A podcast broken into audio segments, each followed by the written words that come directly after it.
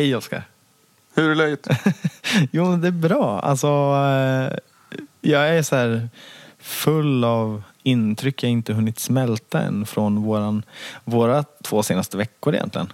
Ja, nej, precis. För vi har ju varit på, på Allt för sjön i Stockholm. Ja, båtmässan. Och vi stod där i ja, tio dagar egentligen. Du körde ju tio dagar, för mig vart det ju åtta. Och jag var ju trött. Jag kan tänka att de två sista dagarna, och just under helgen när det är riktigt mycket folk och man ska vara trevlig och lycklig och glad. Och Ja, jo, men, nej, men det gick ju bra. säger till en. Det gick bra. Man var ju liksom eh, mentalt som en spegel typ. Eller man var blank i blicken tror jag. Sista tiden. Ja. Men det gick bra och framförallt sådär. Det, sista timmarna var väl de svåra. Men annars så, ja, det gick bra. Vi hade kul ju, eller hur? Det, det var ju faktiskt jättekul. Det var kul också att träffa folk som, som lyssnar på oss. Ja, eller hur? Det var många av er lyssnare där ute som kom fram och sa hej och ville prata lite och sådär. Vilket värmer ju väldigt väl. Eller mycket, rättare sagt. Ja, de som vann eh, tävlingarna, eller tävlingen som vi lottade ut eh, biljetter. De kom väl nästan alla fram. Jag tror det. Det var väldigt många i alla fall. Och, eh, vi fick många fina ord från er alla där ute. Och det värmer och det peppar oss att fortsätta med den här podden. Vilket vi, vi tycker är kul. Och extra kul Ja. när ni tycker det är kul. Men Karl, de två, två sista dagarna det, som jag inte var med på då, hur, hur var de? Jag åkte upp till Umeå för att jag skulle åka längdskidor. ja, du åkte ju skid, det där vill jag också veta lite om. Hur, hur länge? Du Ja. åkte ju två och en halv mil va? Ja, det var tre visade sig. Gick det bra? Jag gick in i väggen så in i vassen på slutet. Alltså jag hade inte så mycket frukost när jag kom hem. Jag, jag, land, jag var hemma vid typ halv tolv. Ja. Gick ju bara la mig. Gick upp halv sju. Hade kaviar och macka hemma. Det var inte tillräckligt för att åka ett tremilslopp. Längdskidor. Men det var ju superfint väder. Det var ju liksom sol och snö och Ja, men vad härligt. Du, supervackert. för du var ju lite sliten där efter några dagar. Ah, vet du. Nej men det var, det för mig på mässan gick det bra. Jag fick ju som tur var hjälp av Gustav Bild. Han har vi hört Ja, tidigare i podden. Men eh, han ställde upp eh, och så det var jätte, jätte kul. Och sen var även min far var där eh, under söndagen. Ja, min syster var där. Och, ja, det var många som kom och sa hej och ville ha det trevligt. Och sen så under den helgen så var jag moderator också på Vildmarksmässan på lite föreläsningar där. Så att det var ju att man sprang däremellan så tiden gick fort ändå. Så att det, ja, Mm. det var inte så farligt. Alltså grejen är, jag, räknar, jag räknade antalet intervjuer vi haft och reportage. Det är över 30 stycken. Så att vi har ju mycket material att bearbeta nu, Oskar. Ja, jag måste komma på vad vi har sagt eller? Snittintervjun är ju säkert över 20 minuter lång. Ja, det, det är det nog. Men idag så har vi ju några sådana här, ja, lite guldkorn kanske vi ska kalla dem. Eh, som vi ska lyssna på. Eh, först och främst så tänkte jag att vi skulle lyssna på ett ungt par vi faktiskt sprang på. De var mellan 28 och 35 någonstans. En kille och en tjej. De, eh, ja, helt enkelt fick för sig att, eh, eller de bestämde väl aldrig det, det bara blev så. Att de seglade runt jorden. Det är underbart när man inte bestämmer utan det bara blir. Ja, en sån här liten resa så. Så de var borta totalt då i fyra och ett halvt år. De var väl hemma emellanåt och jobbade lite och sådär kanske. Men, ja, så de hade gjort ett häftigt äventyr och de tycker jag vi ska lyssna på. Och sen så ska vi även lyssna på um, en kille som heter Simon som startade integrationssegling. Och det är ju egentligen som det låter kanske. Eh, att man seglar för integration. Ja, ett superbra projekt. Verkligen. Ja, han, var, han, han var ju rolig, jäkligt trevlig Simon. Ja, verkligen. Jag tycker paret, alltså alla under hela mässan tycker jag var trevliga. Ja, ja verkligen.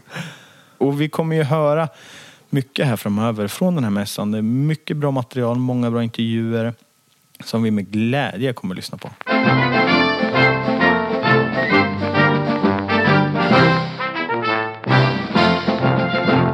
Vi är ju även det här avsnittet sponsrade av ingen mindre än Moringo! Moringo! alltså ja, jag älskar Moringo. Fortfarande. Jag tycker det är en sån extremt enkel men briljant idé. Och det är typ så här, men varför har ingen tänkt på det här förut? Ungefär så känner jag. Nej, och vi fick ju chans att prata om det under mässan också. Att folk... Ja, vi, vi fick lov. För Moringo var ju tyvärr inte på Allt för sjön. Nej, de var ju inte det. Men det var många som kom och pratade om Moringo med oss. Så det var kul. Ja, Kan du inte berätta Karl, vad, vad är Moringo? För de som inte har lyssnat eh, tidigare på oss eller vet vad Moringo är. Ja, alltså Moringo är en app egentligen. Där du fyller i hur stor båt du har och hur stor båtplats du har. Så att du sen kan, när du lägger ut från hamn, så kan du hyra ut din båtplats. Om jag vet att jag inte ska vara i min, i min ficka då, på min plats, under några dagar, då kan jag hyra ut den helt enkelt. Och då går pengarna in till min hamn och då har man råd att kanske rusta upp ja, bommar eller vad det än är man behöver rusta upp. Så det är mer pengar in till klubben. Jag hyr ut en oanvänd plats och sen kan jag även hyra andra platser när jag är ute. Och för mig så är ju typ fördelen det här med att eh, Ja, alltså att inte behöva gå in i hamn klockan tre för att få plats. För vi har ju ändå en hyfsat stor båt och på östkusten så är det, det finns inte hur många platser för oss som helst. Och de är alltid upptagna om man kommer in sent. Så att då kan Ja, man, man vill ju vara ute länge. Ja, precis. Man vill ju gärna vara ute till solnedgång eller något. Och sen att då kan man gå in till en plats där man har bokat och sen får man plats. Det, det tycker jag är grymt. Och sen har de även en ny grej, Oskar. Det kanske vi berättade om förra, förra veckan. De har ju alltså att om man hyr ut sin plats tio gånger. Är det så, Oskar? Ja, man ska ha tio grönmarkerade nätter. Så kanske det. Tio grönmarkerade nätter. Och då Alltså får, lediga. Exakt. Och då får man en fri natt i en annan hamn som man inte varit i. Det är ju superwin. Tack Moringo. Tack Moringo!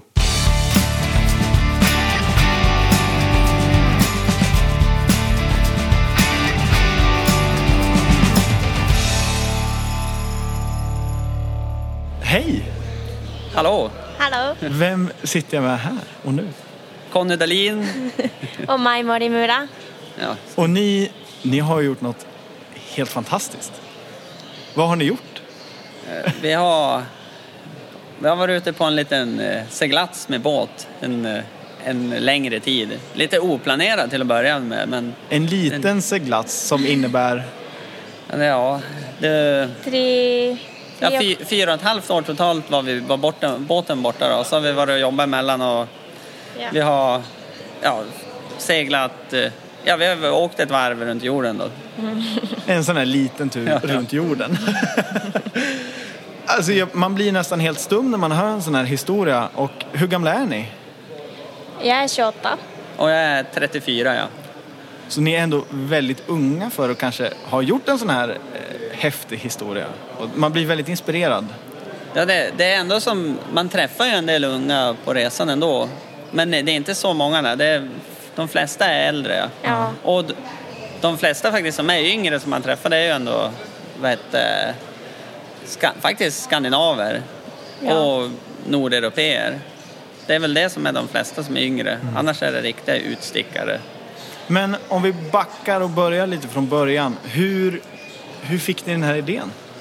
Det var ju som en idé som föddes på vägen. För det var... Det, det började med mig som jag bott i en husbil tidigare och sådär. Och så jobbade jag ju på norska, norsk sockel, oljeindustrin och, och var lite less att bo i husbil. Så jag tänkte jag skulle skaffa ett normalare liv. Så jag hittade en lägenhet här i Stockholm och skulle få ett mer fast liv. Men det, det blev så tråkigt för när man är fri från mitt jobb alla kompisar här i Stockholm jobbar ju och är upptagna. Så Ja. det blev mycket att sitta bara.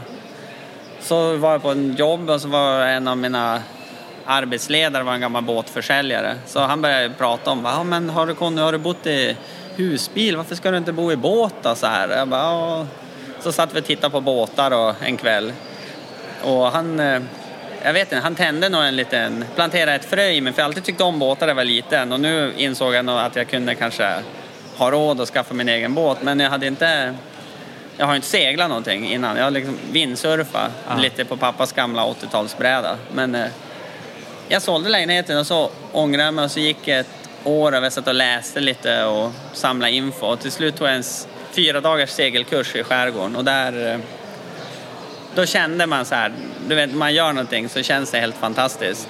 Och så då, då skaffade jag en båt, då köpte jag en båt. Och sen träffade jag ju dig Maj ganska tätt in på det. Och då gick du skola på Konstfack. Ja, Och vi- precis. Och det var, bodde en vinter i båten när det var kallt och så ska jag fly vintern för nästkommande vinter. Och då, tanken var att hamna någonstans i Holland eller Storbritannien men det, där blev det lite till och så lite till och så lite till och så blev det den här resan då. Ja. Det, det blev aldrig, det var, jag läm, båten lämnade Sverige inte förberedd så, så att säga med packad för jordomsegling då, det var den inte. Nej. Men, Ja, det, ja. Men då- då började ni alltså i Stockholm, Ja. la ut och sen som du säger det blev längre och det blev längre. Det blev längre. Men var, ni stannade någon gång? ja vi stannade ju, det vart ju att jag, båten hamnade i Kanarieöarna. Och det var faktiskt en stor del av det att man lärde känna folk på Arken då, det här Atlanten-racet som går. Och vart kompis med dem och sen eh, seglade ju de iväg då i november där. Och det var liksom, kändes som man var en, lämnad ensam nästan lite så då, då, då bestämde man sig att korsa Atlanten över till Karibien. Och, och du Maj, du gick ju fortfarande på Konstfack då och studerade så du anslöt efter Karibien då. För det, efter, vi lämnade båten Karibien och så var jag hemma och jobbade. Ja. Och då, be, då bestämde vi oss att ja, men nu, vi, vi fortsätter då in i Stilla havet. Så då valde ni att fortsätta tillsammans? va? Ja. Så du seglade över båten själv eller hade du med dig Jag folk? har kompisar, Ja. kompis över Atlanten och så ibland kompisar. Karibien seglade jag faktiskt själv i tre månader men vi var vi var, jag seglade mycket samman med en annan svensk båt som åkte till Karibien som heter Aurora som åkte för några år sedan. Och de kom faktiskt hem i höstas också med den båten men de vände i Karibien och Okej. så hem. Och så en amerikansk båt så vi var själv men vi var tre båtar som åkte omkring och utforskade. Ja. Sen då man gick igenom Panamakanalen då, då blev det ju... Då, blir, då, då är det liksom... eh, Då är det lite point of no return då man har börjat Ja. åka in i Stilla havet. För det går som inte bara att vända lika lätt då. Nej. Eller det är lika långt åt vilket håll den åker i slutändan. Så bara, ja, då är ni ju nästan på andra sidan jorden. ja, ungefär kanske. Och sen fortsatte ni till... Till Galapagos va? Ja, Galapagos ja. Ja. Och efter det då åkte vi till Pitcairnön. Det är väl udda ställe då. Ja. Det var fantastiskt. Ja, det, där de hade, det här är historien om myteriet på Bounty, Ja. som är en känd historia. Där. Och det är ju en sann historia också, den här som är alla filmer och böcker skriven på. Så där, det bor fortfarande 48 människor på den ön isolerat som är besläktade från myteristerna på det där äh, brittiska handelsfartyget. Så, så det är ett väldigt udda ställe. Så ni åkte dit och hängde lite med dem? Kolla läge. Ja. Det var trevligt folk. Ja, första folk. de men- frågade var, har ni, har ni Malibu eller någonting? Ja, det var kul. Det, det är, men det är en klassiker, du vet. Om man formu, då, den är bra, ja. De bara, när man ropar, då man ska klarera in. Vi bara, Pitcairn Island, Pitcairn Island, Pitcairn Island, this is sailing boat Miramis, ba, ba, ba. Och så bara, då svarar man bara, sailing boat Miramis, this is Brenda, Pitcairn Island. Och så frågar hon vars vi var lite så här. Hon bara, men vänta nu. Jag ska åka upp på berget och kolla vars ni kan ankra. För det är en spetsig ö med värld. Det finns inget bra ankringsområde. Man ankrar i stort sett mitt i havet. Fast det är bra botten då, men du har oceansväll du ligger i. Så hon ska upp och kolla det. Och under tiden då, då var det någon annan som ropade på. Så hon bara, Ja, annan gubbe. Ja, och de bara “This is Pitcairn uh, Party Committee. Do you have any Malibu?” on?” Och man bara “What, what the fuck?” Vad ska jag svara liksom? Vad ska man svara man, nu? får vi inte komma in om vi inte har Malibu? Ja, vi sa det bara. De, det var då vi sa “Oh no, but we have some, uh, Rom. some rom from, uh, from Panama”. Han bara “That be fine, that's okay”. Och så med sån här uh, accent som är helt uh, brutal accent. På engelskan hade de. Ja. Så där stannade ni några dagar och sen så åkte ni vidare. Franska Polynesien. Ja. ja, det var som en...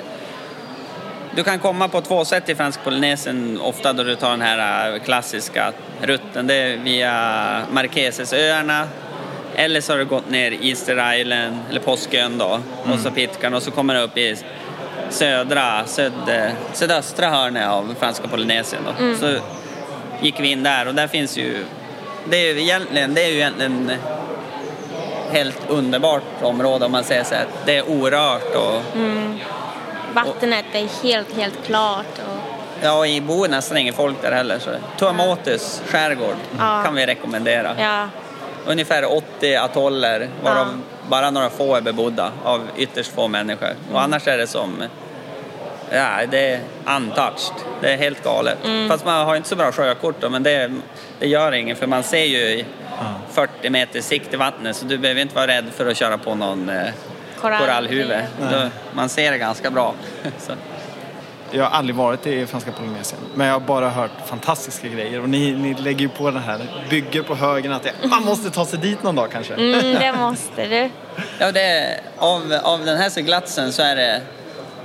Eller vi är inte vi ganska eniga att det är så här om man ska åka till... eh, Om, vi, om man ska ut och segla en gång till, förutom de här kallare områdena som kan vara intressanta, som polarområdena och lite sånt, så, så är det egentligen Stilla havet. Man behöver inte åka någon annanstans om man vill ha tropisk segling, för det är så välkomnande folk, i, i, noll kriminalitet och orörd natur. Och så helt galet vackert. Och olika typer av öar också, allt möjligt. Vulkaniska höga öar, låga atoller.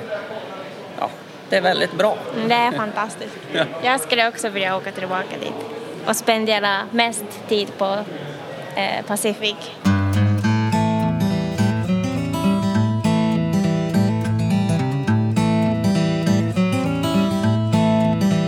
Tröttnar man på det här långa... Se alltså jag, jag har ju bara seglat Atlanten och det var väl 25 dagar utan land. För mig var det väldigt... Alltså just, jag hann läsa mycket böcker, jag hann landa. Jag tyckte inte det var långtråkigt. Jag längtade istället tillbaka ut när jag väl kom i land. Ja. Men när man ändå seglar så här länge och så här långt, tröttnar man på det? Jag vet inte. Man, man tröttnar på ett sätt för att varje dag man ser vattnet 360 grader och så dagarna går, dagarna kommer, dagarna går och det är typ samma. Men sen som du säger när du kommer till land, då, då saknar man på en gång. Det är, som, det är lite galen. Det, man blir så besatt i det. Man, man, Ja, det blir, det blir... Då man under seglatsen eh, så hamnar man som in i en rytm och det, det, är, det är underbart i sig. Men, man, men efter, som du sa, det minns jag, jag har ett bra exempel, det var då vi hade korsat Atlanten och jag var i Karibien. Och då vi höll på att förbereda Miramis i Trinidad, då träffade vi ett australiensiskt par som hade varit ute i 30 år. Och, han, och de sa liksom, vi sa liksom så här, åh vad häftigt, det är långt dit och vi, är, vi gillar att vara på havet. Eller, liksom, det är härligt att segla på havet, det spelar ingen roll om det tar så lång tid. Och då sa de, de, de som var ute i 30 år, de sa så här, vi pressar alltid våran båt, vi har byggt våran båt. De har byggt den själv, byggt den stark så vi kan pressa den. För om man tycker om att vara på havet mer än på land, you must be a madman then. Liksom så här. Och, det, och jag tänkte så här, bara, nej men jag är inte enig. Men eh, i efterhand så här nu, då kan man börja känna så här. Det är som med allt, en, det är ofta så här, längre etapper på en jordomsegling är oftast runt, ganska standardiserat runt tre veckor. Lite mer ibland, lite mindre av de här längre. Och, och det är klart, hade man efter, efter ett antal sådana så hade man kunnat fått den till två veckor eller tio dagar. Och sen hade man kunnat njuta av ön som man ändå gör också då. Eller jag vet inte, det är svårt att säga. Det är, men- Man är lite schizofren blir man. ja, ja, verkligen. Man älskar havet. Men och- man hatar det ibland också. Ja, och så då man har varit på en ö några veckor eller ett tag, då kan man börja verkligen säga bara, åh jag längtar tills då vi bara är på båten, för det är så Ja. enkelt. Är, Men är inte det lite just det här, det känns som att ni har levt i en väldigt, väldigt frihet att ta er dit ni vill, när ni vill, ni kan stanna på öar hur länge ni vill eller hur kort ni vill. Ja. Och, och det känns äh, som paradis på något sätt. Ja, det, det är jävligt mycket arbete med att hålla igång båten och hålla... Det blir... li- Det är paradis, fast det är lätt att tro att det är ett större paradis än då man följer bloggar och ser saker, för det är så himla mycket... Då man följer en blogg och då man ser saker, då ser man bara det som är fint. Man glömmer bort att du har tvättdagar, då du ska stå och handtvätta för du har ingen tvättmaskin och du ska laga den grejen och nästa grej går sönder och du har en Ja. checklista som är oändlig. Men Först vi gör när vi kommer till Nyland eller Nyö, det är man, vi börjar laga båt. Ja, en till två dagar. Ja. Och om man är snäll med båten då får man det kanske till en dag. Men om man pressar båten då blir det tre, fyra dagar. Om man har otur eller två, en dag extra. Och då är det bättre att komma fram en dag sent och ha lite mindre underhåll. Men, men sen, de dagar man är less på det där, det räcker med att det är soligt och en fin seglats en gång så, så älskar man det. För, för det, det är en hatkärlek tror jag, och det, är- men det är beroendeframkallande. Mm, verkligen. Det, det, Jag du- trodde inte att jag skulle bli så här galen på just segelbåt. Jag har aldrig seglat innan jag träffade Conny. Och speciellt, jag är från Japan och där segelbåt, leva i segelbåt, vad är det? det Folk förstår, min familj i Japan förstår ingenting. Och så... så Och ja. så slutar med att du seglar runt jorden. ja, de fattar fortfarande inte tror jag. Men vilken är den längsta seglats ni hade i ett streck då? Det var från Nya Kaledonien till Malaysia och det var lite för att vi hade eh, lite inte kolla upp all, allt papper som behövdes i Indonesien. För man, där behöver man ett tillstånd som ska sökas i förväg med myndigheterna att du ska få klarera in och ett cruise permit heter det. Och det hade, nog, som, det hade nog kunnat lösas med pengar också eftersom det är lite sorgligt nog korrupt eh, land. Men, eh, men vi är båda ganska less på, var lite less på sådana där eh, korruptionsgrejer och vad är händerna på någon officer som är efter hans vilja. Så vi, vi bestämde oss att bara gå på till Malaysia. Och då blev det 35 dagar till havs och 4300 sjömil. Men det var helt underbar segling då. Det var jätteunderbart. Eller in, inte första sju dagarna på väg till Torres Nej, Strait. nej, det var Det var, inte. Det Stora var, Barriärrev, då var det oskönt. Var det, var det storm eller vad var det som gjorde att det var oskönt? det var, blåste mycket. Eller vad kan det blåste? 30... Mellan, mellan 27 till 38 knop. Jag vet inte vad det är i metersekunder, är hälften ungefär. Men, och så var det två stora set, vågset. Alltså sväll från två riktningar. För då har ju Tasmanska havet en bit ner som är som en stor kokgryta för, för busväder. Och de kastar ju liksom sina, sin sjö ända Ja, därifrån just upp och så hade vi det vi gick på. Så det, är som, det var lite som att åka tvättmaskin i en vecka eller sådär. Men sen blev det bra. Men då kanske man behöver sådana perioder för att uppskatta de lugnare. Ja, det är det som det är. Det är därför det är schizofreni lite grann. Ja. Och det är värt det. det Ja. jag rekommenderar.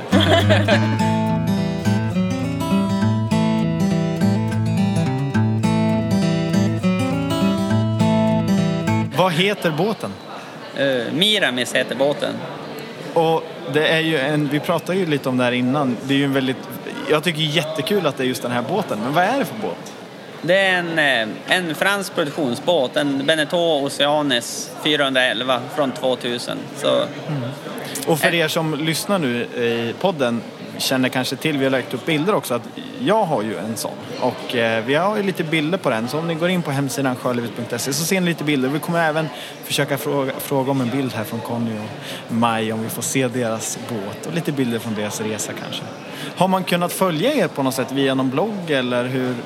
Eh, ja, vi hade en, eh, en blogg till Malaysia, men sen eh, la vi ner det där med... Vi, vi, vi hade gärna, I efterhand hade vi gärna fortsatt med det där, men vi, vi blev för upptagen av vardagen. Det var trevligare att pyssla på. Men bloggen har vi. Det är Och den heter? Miramisaflot.wordpress.com Och det här kommer vi länka på hemsidan. Ja, och sen, och sen jag har i Instagram där Ja. jag lägger upp eh, bilder från den där seglatten. Det är först nu jag går igenom, eller vi går igenom gamla bilder och tittar och sen Lägger upp det lägger upp efterhand. det. Ja, och så bearbetar vi på något sätt också. Ja, för mig är det kul att följa för jag, det är lätt hänt om man är under seglatsen så är det allt flyter ihop, referenser och sådär. Men då man väl kom hem och som du, Maja har ju tagit en där berget av bilder så, så blir det liksom, det är då man komiskt sett, man får en sån perspektiv på det man har upplevt så det är det är nästan som att Ja, det är starkare minne. minnen då man är hemma. Eller det är kanske logiskt att det är starkare då man väl är hemma än då man är där. Och... Ja, minnen kommer tillbaka. Det där kan jag känna igen. Och Ja. vi länkar självklart er Instagram på våran Instagram och hemsidan. Så vi, ni får se alla lyssnare hur det här, det låter ju helt fantastiskt. Om ni tittar tillbaka fem år, Skulle ni gjort samma sak igen? Ja, ja, Ja. jag skulle Ja, lätt, absolut. Och jag vill göra det igen. Ja, jag också. ja. Ni vill det? ja. Stort, stort tack. Tack så mycket själv. Det var spännande det här.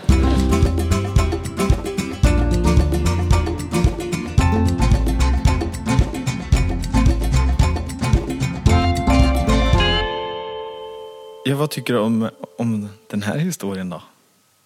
Det är ju superballt. Man blir ju inspirerad. Jag gillar också den här liksom, lätta stämningen de tar på resandet. Eller så. Att de liksom, det inte var planerat. Att de bara, ja, ja men vi tar oss dit då. Och sen när man är där så bara, ja men ska vi fortsätta lite? Det låter väldigt sant och ärligt. För det är väl så där man vill göra. Det är tråkigt att planera för mycket tycker jag. Det känns som man bara missar massa saker. Om man, alltså man verkligen karpar skiten ur livet. Då, då blir det väl sådär. Det tycker jag var fint ut, uttryckt. Karpa skiten ur livet. Ja.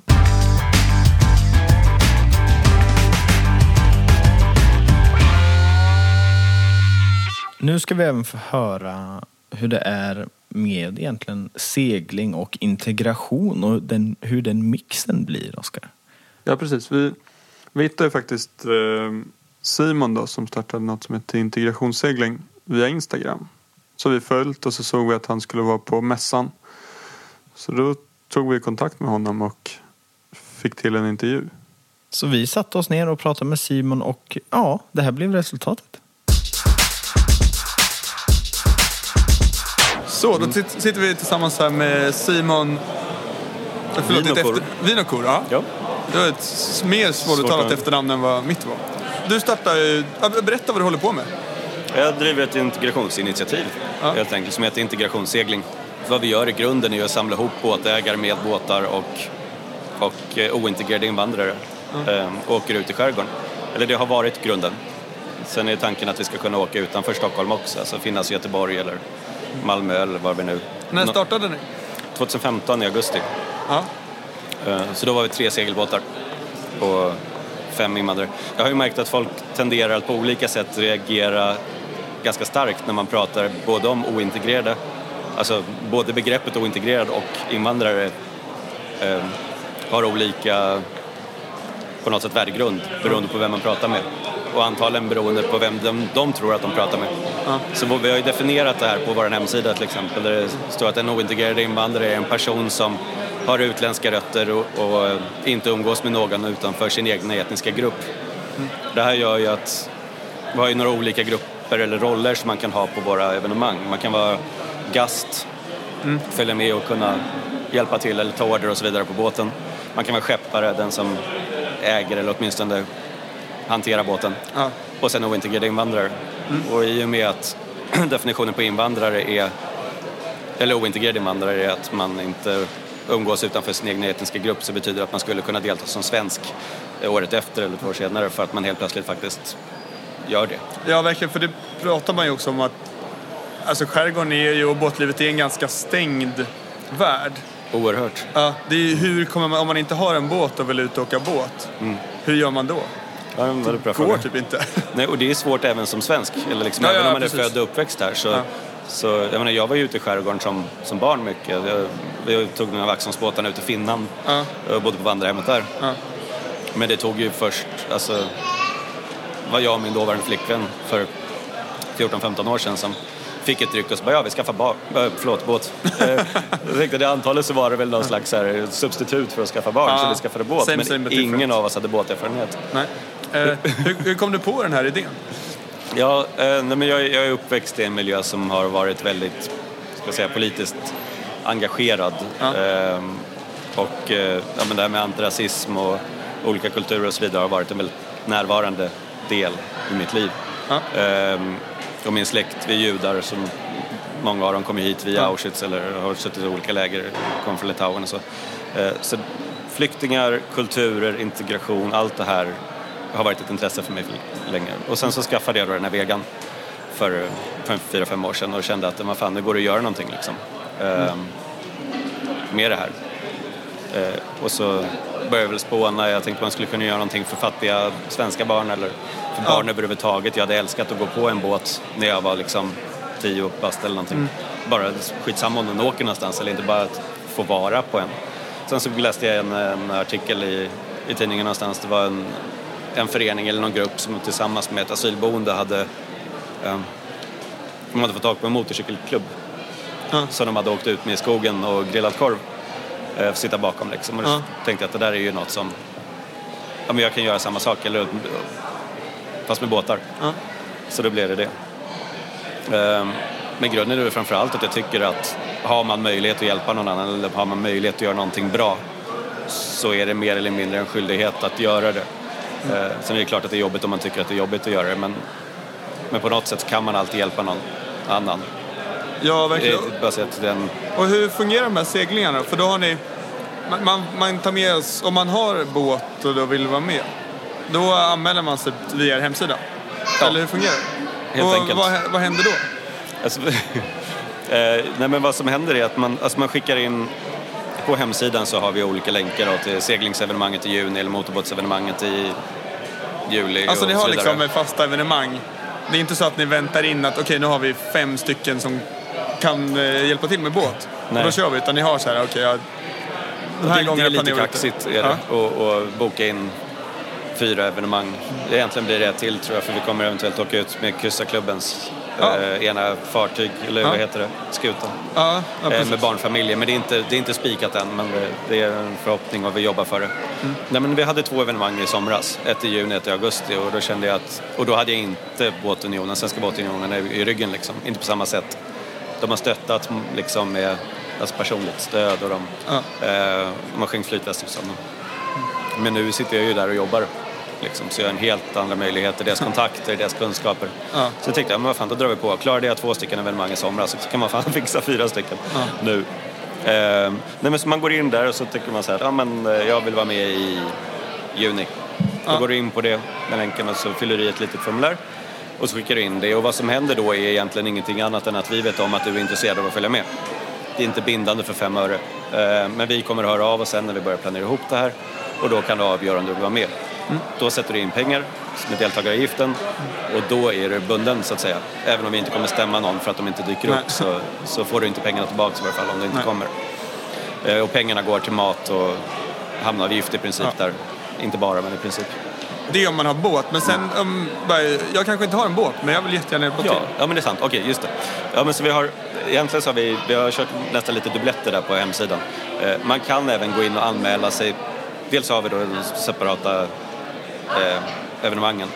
Men sen har vi också tre länkar. En är skeppare, en är ointegrerad invandrare och en är gast. Ja. Och går in och anmäler dig på någon av dem beroende på om det är gast eller invandrare eller, eller svensk skeppare. Eh, så, så går in på någon av dem och anmäler. Då vet vi att så, okay, du är intresserad av att vara med. Du tycker att det här är en bra grej liksom. Eh, och då så hör vi av oss alltså antingen inför varje evenemang eller, eller åtminstone inför första tills du säger att nej men det där, jag var inte intresserad eller vad det kan vara. Så man kan både anmäla sig till en roll överlag och så kan man anmäla sig till ett specifikt eller flera. Ja. Vart, eh, vart är ni hållit till då? Vart är ni och seglar eller åker motorbåt nu? Nu är vi ju i Stockholms skärgård för att jag bor i Stockholm eh, och har båten i Stockholm. Eh, Så nu har vi åkt från Vaxholms gästhamn eh, och så ut strax utanför Grinda är det vi har varit. Okej. Lite beroende på hur snabbt man åker men någonstans kring tre timmars seglingstur ut till den här ön. Du ställde en fråga förut om det var så om man inte hade en båt och man vill vara med. Jag känner Ja. att jag kanske inte svarade så tydligt på det.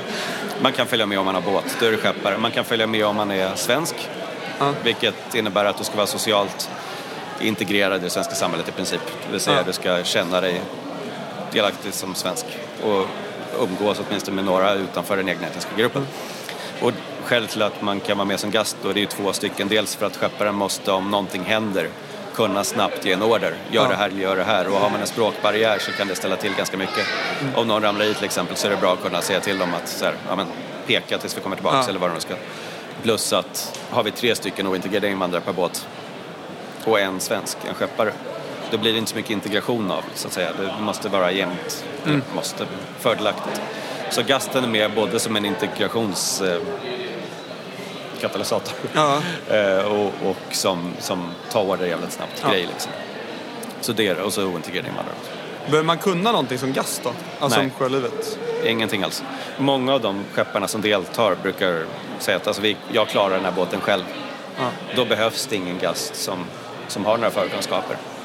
Och sen så ibland dyker det upp någon skeppare som, på de här evenemangen som säger att Nej, men jag vill ha någon, någon gast som kan segla. Eller som har båterfarenhet. Och då finns det alltid, det är alltid någon eller några som anmäler sig som gast som kan det här. Så det är aldrig något problem och därför går vi ut på hemsidan att så här, du behöver inte ha någon, någon tidigare kunskap eller erfarenhet av båtar. För är det någon som vill ha det ändå så, så fixar det sig alltid. Och i sommar, du, du nämnde att du hade ett motorbåtsengagemang, alltså Ja. Kan du berätta om eh, sommarens planer? Precis som förra sommaren så har vi två stycken seglingsevenemang.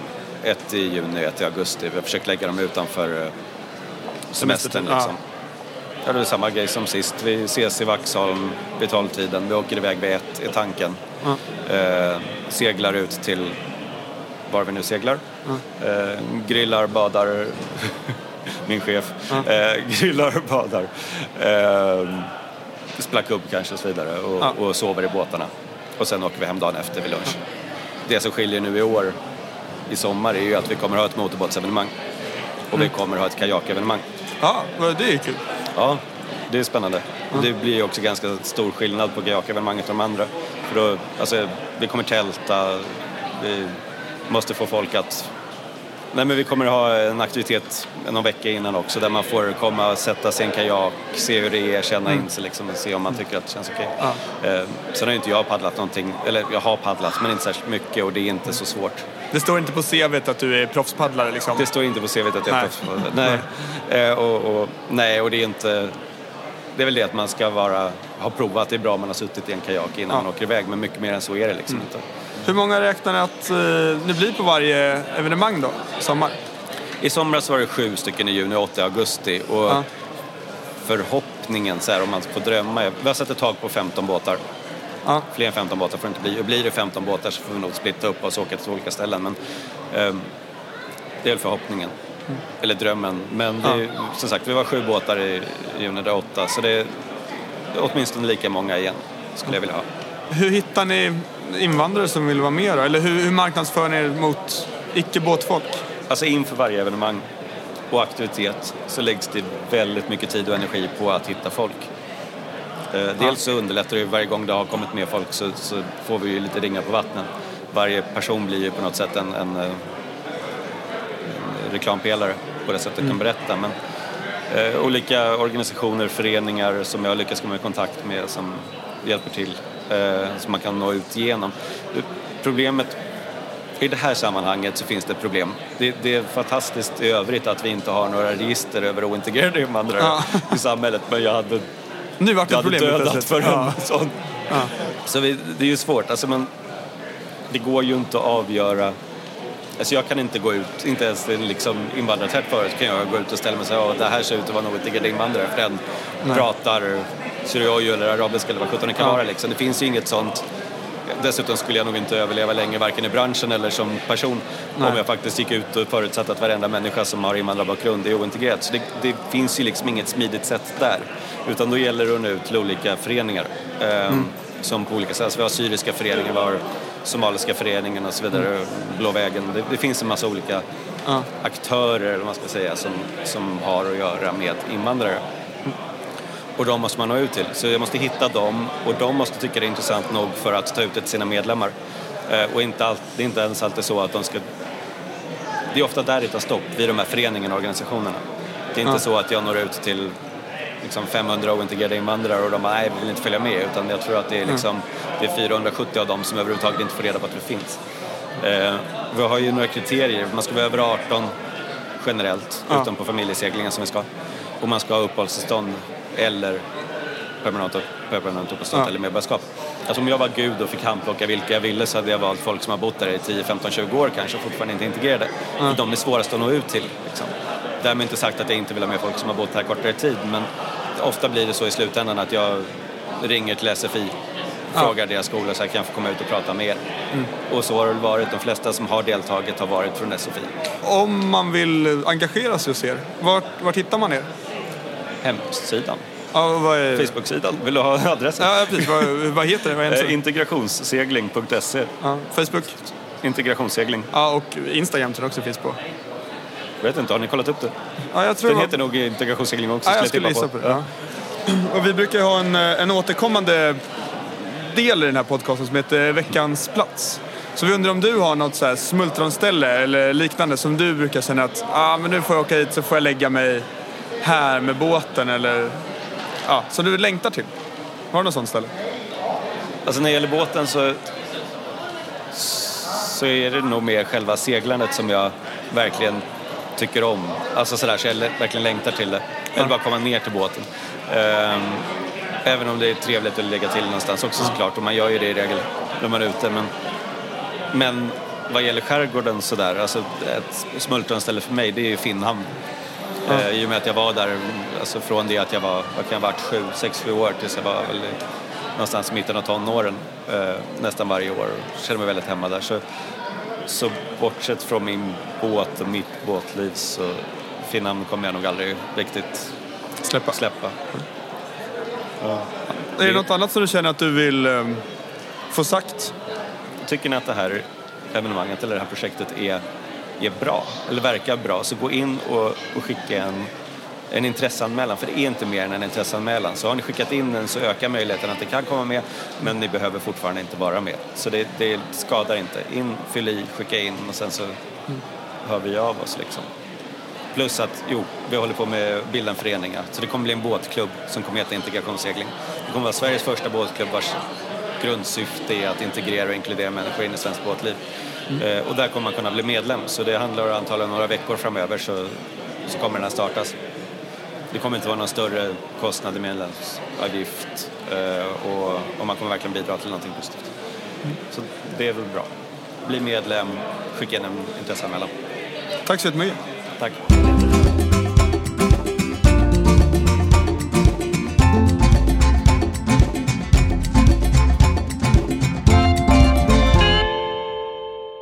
Ja, Oskar, det här avsnittet gick eh, fort det också. Ja, det, är ju- alltså det här Karl, det är ju... Hur många timmar har vi inte lagt ner på det här? Det var ju, jag åkte hemifrån vid nio på morgnarna och var hemma halv nio på kvällarna. I, ja, eh, det var ju nästan, ja, du, jag hade ju åtta dagar och du hade väl tio. Så att det är ju, men sen var det intressant där, sista dagarna, du lämnade med de två sista dagarna och då lämnade du även din mick hos mig. Vilket var tur det, för att vi fick ju några bra intervjuer de sista dagarna. Men det in- innebar ju att du inte hade någon mick nu, men du hade varit och lånat någon idag. och- det funkar Ja, jag lånade av Carl Jansson, hjälte. Även sen, känd som eh, DJ CJ, eller VJ CJ i vissa sammanhang. Är det i skogis-sammanhang eller? Ja, och eh, externt i eh, Umeås underground nattklubbsvärld. Jaha. Tror jag att, om man själv får uttrycka det. Ja, då får vi tacka han så mycket som ställer upp med en mick till dig helt enkelt. Mm. Han satt på Eh. en eh, föreläsning om insekter just nu så att han behövde inte ha den.